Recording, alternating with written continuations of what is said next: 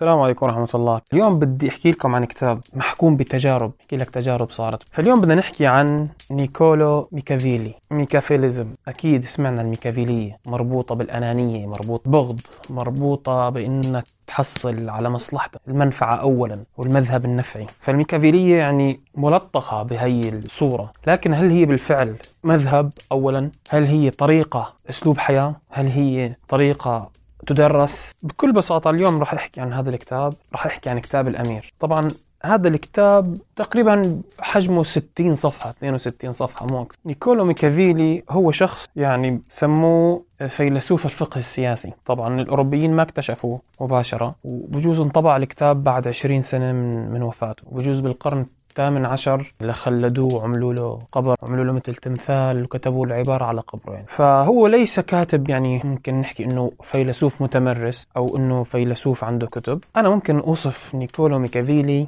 بإنه شخص عاش تجربة وكان شديد الملاحظة. يعني هذا ربما أكثر وصف ممكن تختاره. بنفس الوقت عنده بعد نظر للأمور أو ربما من التجارب اللي صارت معه في قربه حتى من السلطة. إنه صار عنده خبرة حتى يعرف عواقب الأمور. هو طبعا فصل الكتاب ل 26 فصل. وبصراحة يعني ما لقيت في ترابط بين البنود أو هي الفصول بشكل إنه تحكي إنه هو كتاب مؤسس من نقطة واحد لنقطة 26 لا أنت بإمكانك تمسك أي بند أو أي خاطرة. ألقيت هيك عليه تسمية أو اخترت له تصنيف أو اخترت له عنوان إنه خواطر سياسية. إنه شخص بيخطر معه مواضيع معينة بناء على تجربة معينة درس استفاده بيكتبه. فمو شرط إنه يكون هذا الدرس مرتبط بشيء قبله ربما هو يعضده أو يقويه بنقطة من من قبل. بس المواضيع مو مترابطة مع بعض. لكن أحيانا بيلزمك إنه بيستخدم مصطلحات. مثلا لما يقعد يفصل بشكل الجنود جنود مأجورة جنود آه، معضدة آه، جنود آه، وطنية.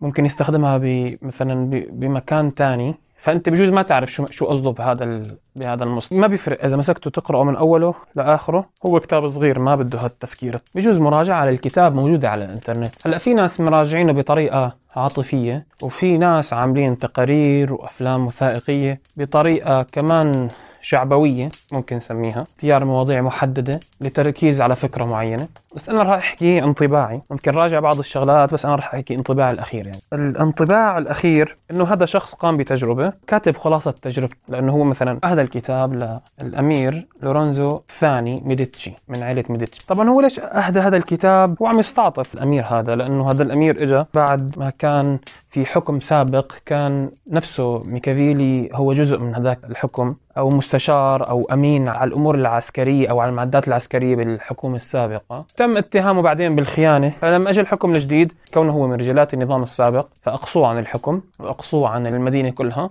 ما حبسوه بالبداية. بعدين صار في عملية انقلاب واتهموه إنه هو أحد الناس المخططين لهي العملية فزتوه بالسجن. طبعا هي روايات تاريخية إحدى مصادر الروايات التاريخيه فزتوه بالسجن. هلأ هو بعدين طلع الزلمة وراح عاش يعني ببيته الريفي وبلش يألف هذا الكتاب. فالفكرة من هذا الكتاب يعني هي بالبند الأخير إنه هو عم يطلب من الحاكم وحد إيطاليا يعني وحقق له هذا الحلم. لأنه إيطاليا كانت هذيك الأيام عم تحكي بالقرن السادس عشر دويلات. كل واحد بيهاجم على الثاني وكل واحد بياخذ حكم الثاني وهذا بيتآمر مع هذا. تجي فرنسا ناس مع فرنسا ناس مع إسبانيا وناس مع البندقية وكذا. يعني كانت الأمور بإيطاليا أسوأ من وضع الدول العربية حاليا. كشخصيته الرجل أنا أشعر أنه هو شخصية بحد ذاته ممكن أصفه بالشخص البعيد النظر الشخص الذكي الثعلب اللي بيعرف شو بده. بس كمان ما بقدر أوصفه بالشجاعة أو بالعزة النفس. بالإهداء تبعه شو عم بيحكي؟ كل الناس بتيجي لعندك الأشراف يجوا لعندك بيجيبوا لك الذهب بيجيبوا لك الأسلحة بيجيبوا لك كل شيء ثمين ويجيبوا لك وبيغدقوا عليك الأموال.